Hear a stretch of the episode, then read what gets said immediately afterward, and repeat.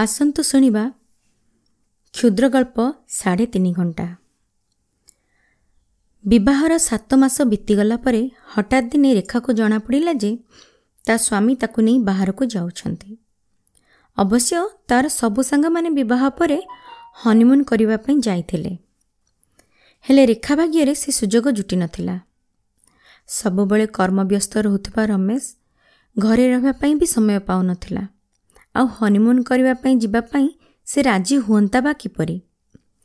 ବିବାହର ସାତ ମାସ ବିତି ଯାଇଥିଲେ ସୁଦ୍ଧା ରେଖା ରମେଶ ସମ୍ମୁଖରେ ଠିଆ ହୋଇ କିଛି ଗୋଟେ କହିବା ଭଳି ଶକ୍ତି ବା ସାହସ ସଞ୍ଚୟ କରିପାରିନଥିଲା ରମେଶ ଥିଲା ପରିବାରର ସବୁଠାରୁ ବଡ଼ ପୁଅ ଆଉ ପରିବାରର ସବୁଠାରୁ ଅଧିକ ଆୟ କରୁଥିବା ପୁରୁଷ। ତେଣୁ ତାର କୌଣସି କଥାକୁ କେହି ମନା କରିବା ଭଳି ସାହସ କରୁନଥିଲେ। ସକାଳ ସାଢ଼େ ସାତରୁ ସେ ବାହାରିଯାଏ ଯେ ଫେରିବା ବେଳକୁ ଦିନେ ଦିନେ ରାତି ଅଧପର ହୋଇଯାଏ। ନୂଆ ନୂଆ ବାହା ହେବା ପରେ ରମେଶର ଫେରିବା ବାଟକୁ ଚାହିଁ ରେଖା ଅନିଦ୍ରା ରହୁଥିଲା। ହେଲେ ଦିନେ ରମେଶ ନିଜେ କହିଦେଲା ଯେ ମୋ ପାଇଁ ଅପେକ୍ଷା କରିବା ଛାଡ଼ିଦିଅ।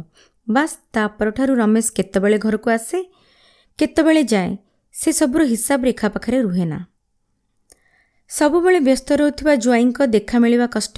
ତେଣୁ ଆଜି ପର୍ଯ୍ୟନ୍ତ ତାର କୋଠା ମଡ଼ାଣି ବା ବିବାହ ପରବର୍ତ୍ତୀ ସମୟରେ ଝିଅ ଘର ତରଫରୁ ଜ୍ୱାଇଁଙ୍କୁ ଦିଆଯାଉଥିବା ସମ୍ମାନ ଭାର ବ୍ୟବହାର ଆଦି ପାରମ୍ପରିକ କାର୍ଯ୍ୟକ୍ରମ ହୋଇପାରିନଥିଲା ଅଗତିଆ ରେଖାର ବାପା ଭାର ଟଙ୍କା ଆଉ ଯାହା ସବୁ ଦରକାର ରମେଶ ଘରକୁ ପଠାଇ ଦେଇଥିଲେ।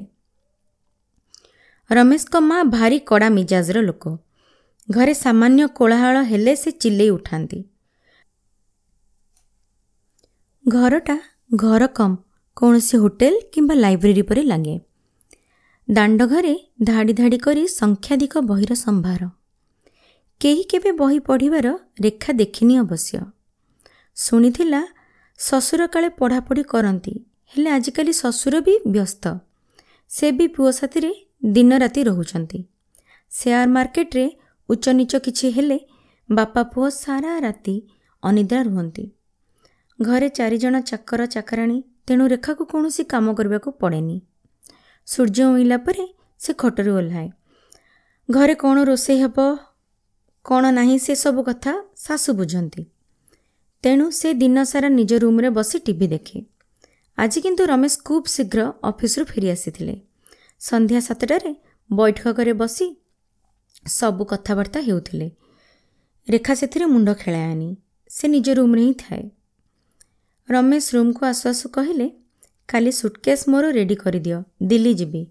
ତୁମେ ଯଦି ଚାହୁଁଛ ନିଜ ଲୁଗାପଟା ବି ପ୍ୟାକ୍ କରିଦିଅ ସାଥି ହୋଇ ଯିବା। କଥାଟା ଆହୁରି ସୁନ୍ଦର ଭାବରେ କୁହାଯାଇ ପାରିଥାନ୍ତା। ଏମିତି ବି କହିଦେଇଥାନ୍ତେ ଯେ ଚାଲ ମୁଁ ତୁମକୁ ଦିଲ୍ଲୀ ନେଇ ବୁଲାଇ ଆଣିବି। କିନ୍ତୁ ମୋତେ ଦିଲ୍ଲୀରେ ଏକା ଏକା ବିରକ୍ତ ଲାଗିବ? ତୁମେ ସାଥିରେ ଥିଲେ ବହୁତ ଭଲ ଲାଗିବ। କିମ୍ବା ରେଖାର ନିରବକତାକୁ ଭଙ୍ଗ କରି ରମେଶ କହିଲେ ଯଦି ଭଲ ଲାଗୁନି ତେବେ ଥାଉ ରେଖା ମନେ ମନେ ଯାହା ସବୁ କହିବ ବୋଲି ଭାବୁଥିଲା ସେଥିରେ ପୂର୍ଣ୍ଣଚ୍ଛେଦ ଦେଇ କହିଲା ନା ମୁଁ ଠିକ୍ ଅଛି। କେତେ ଦିନ ପାଇଁ ଯିବା? ସେଇ ହିସାବରେ ବ୍ୟାଗ୍ ପ୍ୟାକ୍ କରିବି ରମେଶ ଗୁଣୁଗୁଣୁ ହୋଇ କହୁଥିଲେ ମିଟିଂଟା ଗୁରୁବାର ଆଉ ଶୁକ୍ରବାରରେ ଅଛି। ଶନିବାରଟା ରେଷ୍ଟ କରିଦେଲେ ଚଳିବ। ରବିବାର ଦିନ ଫେରି ଆସିଲେ ମଙ୍ଗଳବାରରୁ ଭୁବନେଶ୍ୱରରେ ପହଞ୍ଚି ହେବ ନାଇଁ ନାଇଁ ଡେରି ହୋଇଯିବ। ରେଷ୍ଟ କଲେ ହେବନି। ଶନିବାର ହିଁ ବାହାରିବାକୁ ପଡ଼ିବ। ରମେଶର ଗୁଣୁଗୁଣୁ ଶୁଣି ରେଖାର ମନ ଫିକା ପଡ଼ିଗଲା।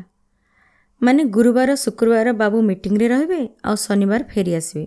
ମୁଁ କ'ଣ କରିବି? ସାଥିରେ ଯାଇକି।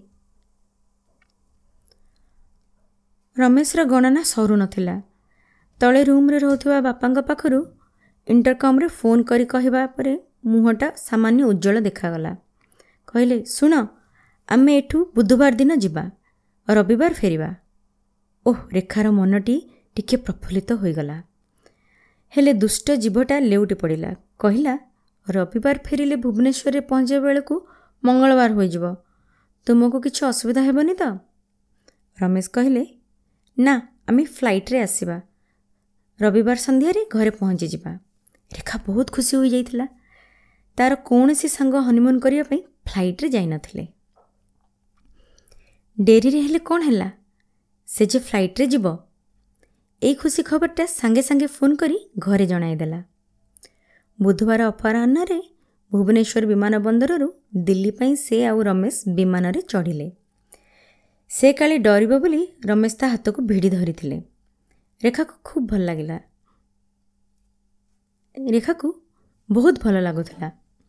ବିବାହର ଏତେ ମାସ ପରେ ରମେଶ ସମ୍ପୂର୍ଣ୍ଣ ଭାବରେ ତା ପାଖରେ ଥିଲେ। ସେ ରମେଶଙ୍କର ହାତକୁ ଜାବୁଡ଼ି ଧରିଥିଲା। କେତେବେଳେ ସେମାନେ ଦିଲ୍ଲୀରେ ପହଞ୍ଚିଗଲେ ସେ ଜାଣିପାରିଲା ନାହିଁ। ପ୍ଲେନ୍ ଉପରକୁ ଉଠିଲା ବେଳକୁ ସେ ଅଣନିଶ୍ୱାସ ହୋଇ ଶୋଇପଡ଼ିଥିଲା। ରମେଶ ହାତ ହଲାଇ ଉଠାଇବା ପରେ ସେ ଜାଣିଲା ଯେ ସେମାନେ ଦିଲ୍ଲୀରେ ପହଞ୍ଚିଗଲେ। ଯାହା ହେଉ ତା ଜୀବନର ପ୍ରଥମ ବିମାନ ଯାତ୍ରା ବହୁତ ଆମୋଦକର ଥିଲା। ଦିଲ୍ଲୀ ଏୟାରପୋର୍ଟରୁ ସେମାନେ ଟ୍ୟାକ୍ସିରେ ବସି ଯାଇଥିଲେ ଏକ ସୁଉଚ୍ଚ ଷ୍ଟାର ହୋଟେଲକୁ ଗାଧୋଇ ସାରି ରମେଶ କହିଲେ ତୁମେ ରୁମ୍ରେ ଥାଅ ମୁଁ ବାହାରକୁ ଯାଇ ଆସେ। ରେଖା କହିଲା ମୋତେ ଏଠି ଏକା ଡର ଲାଗିବ ମୁଁ ବି ତୁମ ସାଥିରେ ଯିବି। ସେହିଦିନ ସନ୍ଧ୍ୟାରେ ସେମାନେ ଦିଲ୍ଲୀରେ ବୁଲାବୁଲି କରି ସମୟ ବିତାଇଥିଲେ। ରେଖା ବହୁତ ଖୁସି ଥିଲା।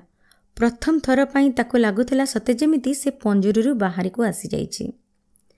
ଆଜି ସେ ରମେଶ ହାତକୁ ଜମା ଛାଡ଼ୁନି।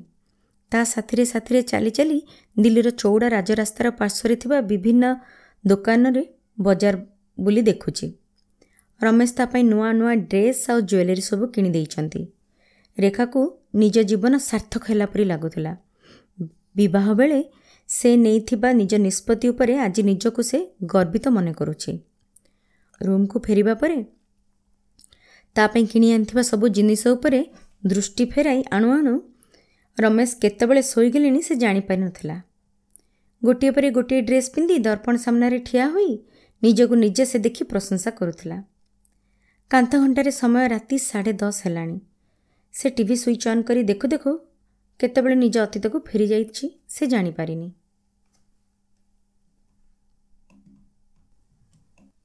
ରୁନି ଏ ରୁନି ମା ଡାକ ପକାଉଛନ୍ତି। ରେଖାକୁ ଘରେ ରୁନି ବୋଲି ଡାକନ୍ତି ସମସ୍ତେ। କଲେଜ ଯିବା ପାଇଁ ରେଖା ସାଇକେଲ ନେଇ ବାହାରିବାକୁ ଉଦ୍ୟତ ହେଉଥିବା ସମୟରେ ମା ଆସି ଧରି ପକାନ୍ତି। କହନ୍ତି ଆଜି ପରା ତୋତେ ଦେଖିବାକୁ ପୁଅ ଘର ଲୋକ ଆସିବେ? ତୁ କାହିଁକି କଲେଜ ଯାଉଛୁ? ମା ମୋର କ୍ଲାସ୍ ଅଛି କହି ରେଖା ଚାଲିଯାଉଥିଲା। ହେଲେ ସେତିକି ବେଳକୁ ମା ସାଇକେଲ ଚାବିଟା ଅକ୍ତିଆର କରିସାରିଥିଲେ। ଅଗତ୍ୟା ଅବାଧ୍ୟ ଶିଶୁଟିଏ ପରି ଘରେ ବସି ରହିବାକୁ ବାଧ୍ୟ ହୋଇଥିଲା। ସନ୍ଧ୍ୟାରେ ନୀତିଦିନିଆ ଅଭ୍ୟାସ ପରି ପୁଣି ଥରେ ସୁନା ଝିଅ ବେଶ ପଡ଼ି ରହିବାକୁ ପଡ଼ିଥିଲା। ଏମିତି ହଜାରେ ଥର ହେଲାଣି। କିଏ ନା କିଏ ଆସୁଛନ୍ତି। ମାମୁଁ ଘର ମାଉସା ଘର ପିଉସୀ ଘର ଯିଏ ଯେଉଁଠି ପ୍ରସ୍ତାବ ଦେଖିଲା ତାକୁ ଆଣି ରେଖା ଘରେ ପହଞ୍ଚାଇଲା। ରେଖା କିନ୍ତୁ ମନ ଦେଇ ବସିଥିଲା କୁମାରକୁ। କଲେଜରେ ସହପାଠୀ କୁମାର ସହ ରେଖାର ସମ୍ପର୍କ ଦୀର୍ଘ ଦୁଇ ବର୍ଷର। ଯୁକ୍ତ ଦୁଇ ପଢ଼ିବା ପରଠାରୁ କୁମାରକୁ ଭଲ ପାଇ ବସିଛି ସେ। ଘରେ କାହାକୁ କହିବାର ସତ୍ସାହସ ତାହାର ନଥିଲା। ଏଣେ ଘରେ ବାରମ୍ବାର ବାହାଘର ପାଇଁ ଜିଦ୍ କରୁଛନ୍ତି। ସେଦିନ କ୍ୟାଣ୍ଟିନ୍ ଭିତରେ ରେଖା କୁମାର ସହିତ ବସିଥିବା ବେଳେ ତା ପିଉସୁ ପୁଅ ଭାଇ ସବୁ ଦେଖିଯାଇ ଘରେ କହିଦେଇଥିଲା ଘରେ ବାପାଙ୍କୁ ଅବଶ୍ୟ ସେ ମୋର କ୍ଲାସମେଟ୍ ଆଉ କିଛି ନାହିଁ ବୋଲି କହି କଥାଟାକୁ ଆଡ଼େଇ ଦେଇଥିଲା। ହେଲେ ସେଇ ଦିନଠାରୁ ପୁଅ ଦେଖା ଜୋରସୋରସେ ଚାଲିଲା। କୁମାରକୁ ରେଖା କହୁଥିଲା ଆମ ଘରେ ମୋ ବାହାଘରକୁ ନେଇ ଭାରି ଜିଦ୍ କରୁଛନ୍ତି। କୁମାର କହୁଥିଲା ଗ୍ରାଜୁଏସନ୍ଟା ସରିଲେ ମୁଁ କିଛି ଚାକିରି କରିବି ତାପରେ ତୁମକୁ ଉଡ଼େଇ ନେଇଯିବି। କୁମାର ହସି ଦେଉଥିଲା ହେଲେ ରେଖା ଚିନ୍ତିତ ଥିଲା। ଏମିତି ଦିନେ ରମେଶଙ୍କ ପ୍ରସ୍ତାବ ଆସିଥିଲା। ବାପା ନିଶ୍ଚୟ କରିଦେଲେ ଯେ ରେଖା ବାହାଘର ସେଇଠି ହିଁ ହେବ। ରେଖା କ'ଣ କରିବ କିଛି ବୁଝିପାରୁନଥିଲା ଭାଉଜ କହିଲେ ବଡ଼ ଭାଗ୍ୟ ଆମ ରୁନିର। ସାମନ୍ତରାୟ ଘରର ରାଣୀ ହୋଇ ରହିବ। ଚାରି ଚାରିଟା କାର୍ ବଡ଼ ଘର କାରଖାନା ଆଉ କ'ଣ ନାହିଁ ତାଙ୍କର? ରେଖାକୁ ଦିଶୁଥିଲା କୁମାରର ନିରୀହ ଆଖି ଦୁଇଟା। କୁମାର ଗରିବ ହେଲେ ଭାରି ଉଦାରମନା ସେ ଏତେ ସବୁ ଦେଇପାରିବନି ସତ ହେଲେ ରେଖାକୁ ମନ ଦେଇ ଭଲ ପାଇପାରିବ କଲେଜରେ ଯାଇ ସେ କୁମାରକୁ କହିଥିଲା ଘରର କଥା। କୁମାର ହସି ଦେଇ କହିଲା ଦେଖ ତୁମ ମନକୁ ଯାହା ଭଲ ଲାଗୁଛି କର। କୁମାର ଆଖିରେ ଭରି ଆସୁଥିଲା ଲୁହ ଧାର। ଆଉ ବହିଯିବା ପୂର୍ବରୁ ସେ ଉଠି ଚାଲି ଯାଇଥିଲା। ତାପର ଦିନଠାରୁ ସେ ଆଉ କୁମାରକୁ ଦେଖିନି। କେହି ଜଣେ ସାଙ୍ଗ କହିଥିଲା ଯେ ସେ କାଳେ ଘରକୁ ଯାଇଛି। କୁମାରର ଗାଁ ବେଶୀ ଦୂର ନୁହଁ। ହେଲେ ରେଖା ଯାଇପାରିନଥିଲା ଫେବୃଆରୀ ମାସରେ ରେଖାର ବାହାଘର ସମାପନ କରିଦେଇଥିଲେ ବାପା। ବାହାଘର ପରେ ସେ କଲେଜରୁ ବି ବିଦାୟ ନେଇଥିଲା। ରମେଶ ଚାହୁଁନଥିଲେ ରେଖା ଆଉ ଆଗକୁ କିଛି ପଢ଼ୁ। ପଢ଼ିକି ବା କରିବ କ'ଣ? ରେଖା ବି ଚାହୁଁନଥିଲା ଆଉ କଲେଜ ଯିବା ପାଇଁ କିମ୍ବା କୁମାରକୁ ସମ୍ମୁଖୀନ ହେବା ପାଇଁ। ଗ୍ରାଜୁଏସନ୍ ସରିଯାଇଥିଲା ତା'ର। କେମିତି କେମିତି କରି ପରୀକ୍ଷା ସବୁ ଦେଇଥିଲା ସେ। ବିବାହ ହେବାର ସାତ ମାସ ଭିତରେ ସେ ଥରେ ବି ଆଉ କୁମାର କଥା ମନେ ପକାଇ ନାହିଁ। ବୋଉ କହୁଥିଲେ ଅଗ୍ନି ଆଗରେ ବସି ବିବାହ ହେଉଛି ସେଇ ଅଗ୍ନିରେ ପୁରୁଣା ସବୁ କଥାକୁ ଜାଳି ଦେଇ ନୂଆ ଘରକୁ ଯା। ବାହାଘର ପରେ ରେଖାର ଦୁନିଆ ବଦଳି ଯାଇଛି। ସବୁ କିଛି ସେ ପାଇଛି। ଘର ଗାଡ଼ି ଚାକର ବାକର ସମ୍ପତ୍ତି ହେଲେ ରମେଶ ରମେଶଙ୍କ ଘୁଙ୍ଗୁଡ଼ି ଶବ୍ଦରେ ରେଖା ତା ଅତୀତରୁ ଫେରି ଆସିଲା। ରେଖା ଘଣ୍ଟା ଦେଖିଲା ରାତି ସାଢ଼େ ଗୋଟାଏ ହେଲାଣି। ସେ ବି ଶୋଇବାକୁ ଚେଷ୍ଟା କଲା। ହୋଟେଲ ରୁମ୍ର ଏସିର ଶୀତୁଆ ପରିବେଶରେ ସେ ଆଜି ରମେଶ ପାଖରେ ଶୋଇଥିବା ବେଳେ କିନ୍ତୁ ମନରେ କାହିଁକି କେଜାଣି କୁମାର ଭାବନା ମନକୁ ଆସୁଥିଲା। ଅବିବାହିତ ଥିବାବେଳେ ସେ କୁମାରକୁ ସ୍ୱାମୀ ବୋଲି ଭାବି ନେଇଥିଲା ସତ। ଆଉ ବେଳେବେଳେ ସ୍ୱେଚ୍ଛାରେ ଆଉ ବେଳେବେଳେ ଅନିଚ୍ଛା ସତ୍ତ୍ୱେ ସେ କୁମାର ସହ କିଛି ଅନ୍ତରଙ୍ଗ ମୁହୂର୍ତ୍ତ ବିତାଇଥିଲା। ବିବାହ ପରେ ରମେଶଙ୍କ ସହ ସେମିତି ଅନ୍ତରଙ୍ଗ ମୁହୂର୍ତ୍ତ ବିତାଇ ନାହିଁ। ଏମିତି ଭାବନା ରାଜ୍ୟରେ ବୁଲୁ ବୁଲୁ ସେ କେତେବେଳେ ଶୋଇପଡ଼ିଥିଲା ଜାଣିନି। ସକାଳ ସେତେବେଳକୁ ହେଲାଣି। ହୋଟେଲ ରୁମ୍ର କବାଟରେ କାହାର କରାଘାତରେ ତା'ର ନିଦ ଭାଙ୍ଗିଲା। ସେ ଦେଖିଲା ସେଜରେ ରମେଶ ନାହାନ୍ତି। ବୋଧହୁଏ ସେ ବାଥରୁମ୍ରେ। ସେ ଉଠିଯାଇ କବାଟ ଖୋଲିଦେଲା। ହୋଟେଲର ବୟ ସକାଳର ଜଳଖିଆ ନେଇ ଆସିଥିଲା। ସେଜରୁ ଉଠିବାକୁ ଇଚ୍ଛା ନଥିଲେ ସୁଦ୍ଧା ସେ ଉଠିବାକୁ ବାଧ୍ୟ ହେଲା। କିଛି ସମୟ ପରେ ରମେଶ ବାଥରୁମ୍ରୁ ବାହାରି ଆସିଲେ। ତରବର ହୋଇ ପୋଷାକ ପିନ୍ଧୁ ପିନ୍ଧୁ କହିଲେ ଆଜି ମୋର ମିଟିଂ ଅଛି। ରେଖା କ'ଣ କରିବ ବୁଝିପାରୁନଥିଲା। ମନ ହେଉଥିଲା ଦିନସାରା ଏମିତି ସେଜରେ ପଡ଼ି ରହିବ। ହେଲେ ପୁଣି ଭାବୁଥିଲା ଦିଲ୍ଲୀ ଆସି ରୁମ୍ରେ ରହିବା ଠିକ୍ ହେବନି। ରମେଶ ପୋଷାକ ପିନ୍ଧୁ ପିନ୍ଧୁ କହିଲେ ହେଇ ହୋଟେଲ ପାଖରେ ଗୋଟିଏ ସପିଂ ମଲ୍ ଅଛି। ତୁମେ ଚାହିଁଲେ ଦିନବେଳେ ସେଇଠାକୁ ଯାଇପାରିବ। ମୁଁ ଅପରାହ୍ନରେ ଆସିବି ମୁଁ ତୁମକୁ କଲ୍ କରିଦେବି। ତୁମେ ଯେଉଁଠି ବି ଥିବ କହିଲେ ମୁଁ ସେଠି ଆସି ପହଞ୍ଚିଯିବି। ରମେଶ ତରବର ହୋଇ ବାହାରିଗଲେ। ରେଖା ଜଳଖିଆ ଖାଇବା ପରେ ହୋଟେଲ କରିଡରରେ କିଛି ସମୟ ବସି ଝରକା ପାଖରୁ ରାସ୍ତା ସେ ପାଖକୁ ଦେଖୁଥିଲା।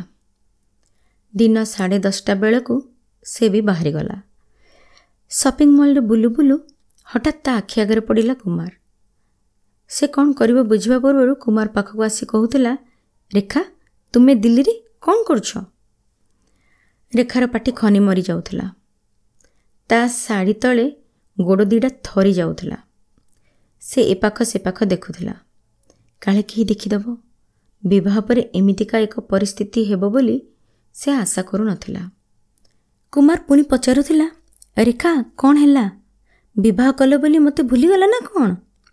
ରେଖା ସାହସ ସଞ୍ଚୟ କରୁଥିଲା। ମନେ ମନେ ଭଗବାନଙ୍କୁ ଧନ୍ୟବାଦ ଦେଉଥିଲା କୁମାର ଜାଣିଛି ସେ ବିବାହ କରିଛି ବୋଲି। ସେ ଧୀରେ କହିଲା ମୋ ହଜବେଣ୍ଡଙ୍କ ମିଟିଂ ଅଛି ତ? ତେଣୁ ସେ ମୋତେ ସାଥିରେ ନେଇ ଆସିଛନ୍ତି।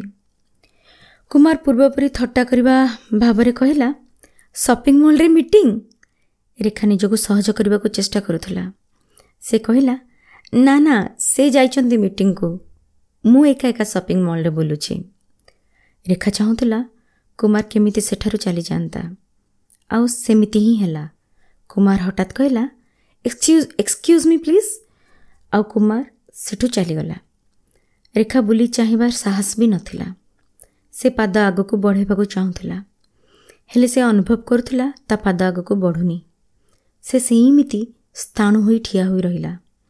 ମନେ ମନେ ଭାବୁଥିଲା କୁମାର ଦିଲ୍ଲୀରେ କ'ଣ କରୁଛି?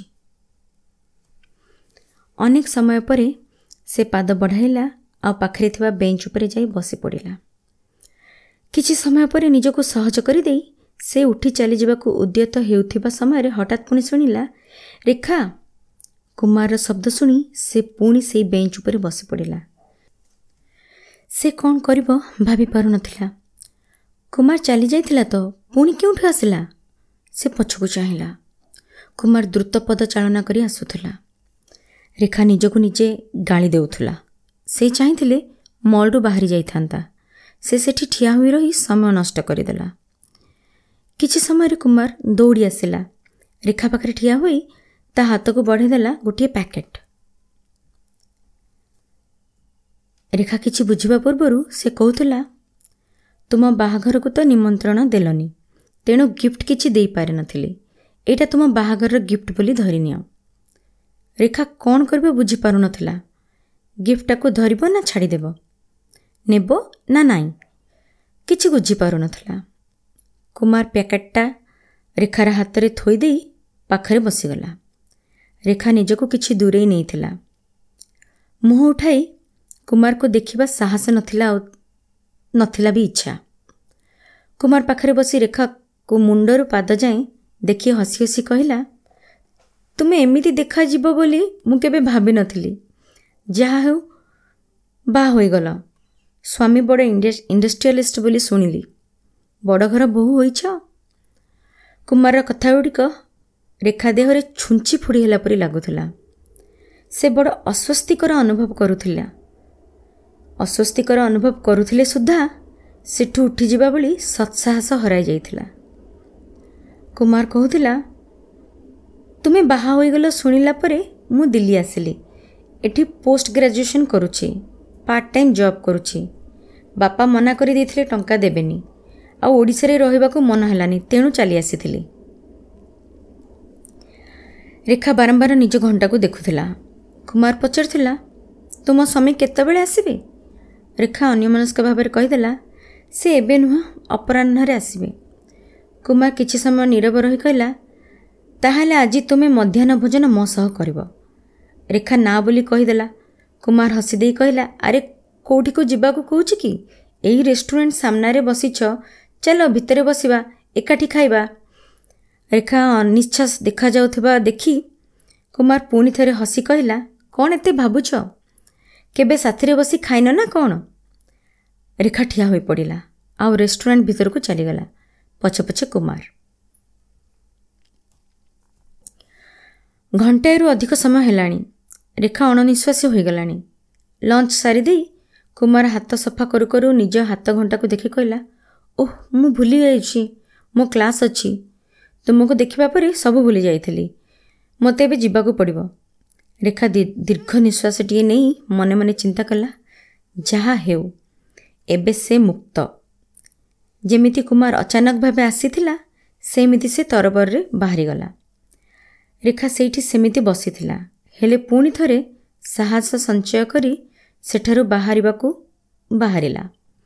ଭାବୁଥିଲା କାଳେ ପୁଣି କୁମାର ସେଇଠିକୁ ଆସିଯିବ କି? ସେ ରେଷ୍ଟୁରାଣ୍ଟ ବାହାରକୁ ଆସି ଏପାଖ ସେପାଖ ଦେଖିଲା।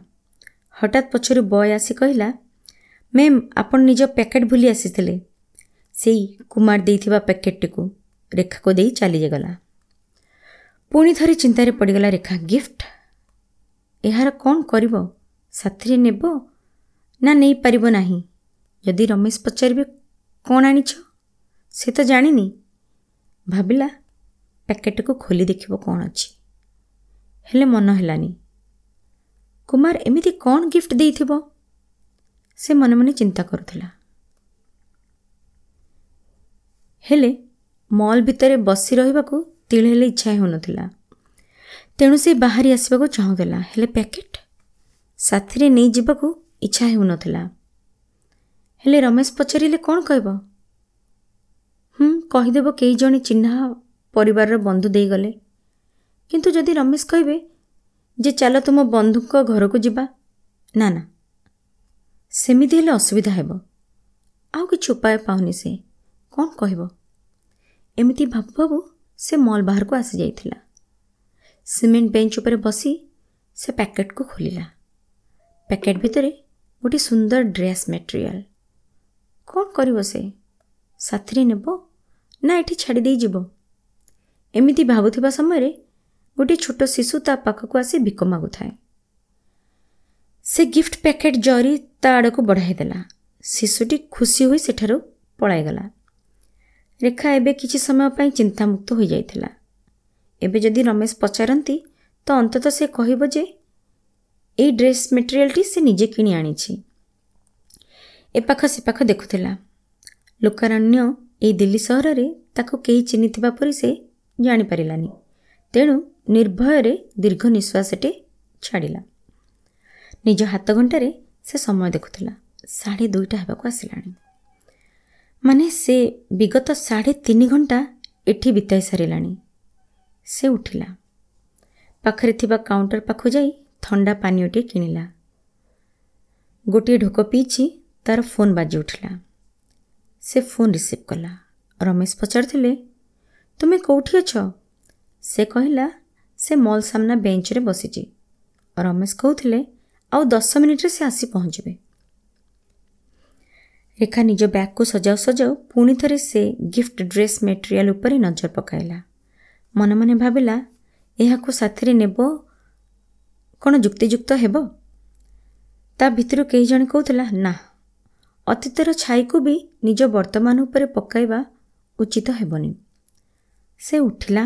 ସେଇ ଡ୍ରେସ୍ ମେଟେରିଆଲଟିକୁ ହାତରେ ଧରି ମଲ୍ର ପାହାଚ ଓହ୍ଲାଉ ଓହ୍ଲାଉ ଏକ ଭିକାରୁଣୀକୁ ଦେଖି ଅଟକିଗଲା। ସେ ଭିକାରୁଣୀର ପଙ୍ଗୁଳା ଦେହରେ ଛିଣ୍ଡା କନା ଦେଖି ସେ କିଛି ନ ଭାବି ସେଇ ନୂଆ ଡ୍ରେସ୍ ମେଟେରିଆଲଟା ତା ହାତରେ ଦେଇ ଚାଲି ଆସିଲା ଆଗକୁ। ଏବେ ତା ମନରେ ନା ଥିଲା ଚିନ୍ତା ନା ଥିଲା ଭୟ। ରାସ୍ତା ପାଖକୁ ସେ ଆସିବା ବେଳକୁ ରମେଶଙ୍କ ଗାଡ଼ି ସେଠାରେ ପହଞ୍ଚି ସାରିଥିଲା।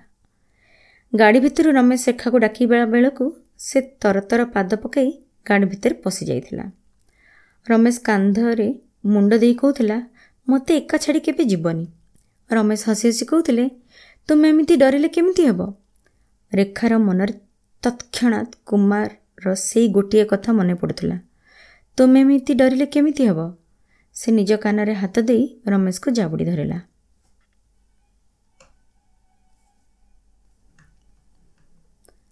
ଆହ୍ୱାନୀ ପତ୍ରିକାର ଅପ୍ରିଲ ଦୁଇହଜାର ବାର ସଂସ୍କରଣରେ ପ୍ରକାଶିତ ହୋଇଥିଲା ଏହି ଗଳ୍ପଟି। ଲେଖିଥିଲେ ଡକ୍ଟର ଜ୍ୟୋତିପ୍ରସାଦ ପଟ୍ଟନାୟକ।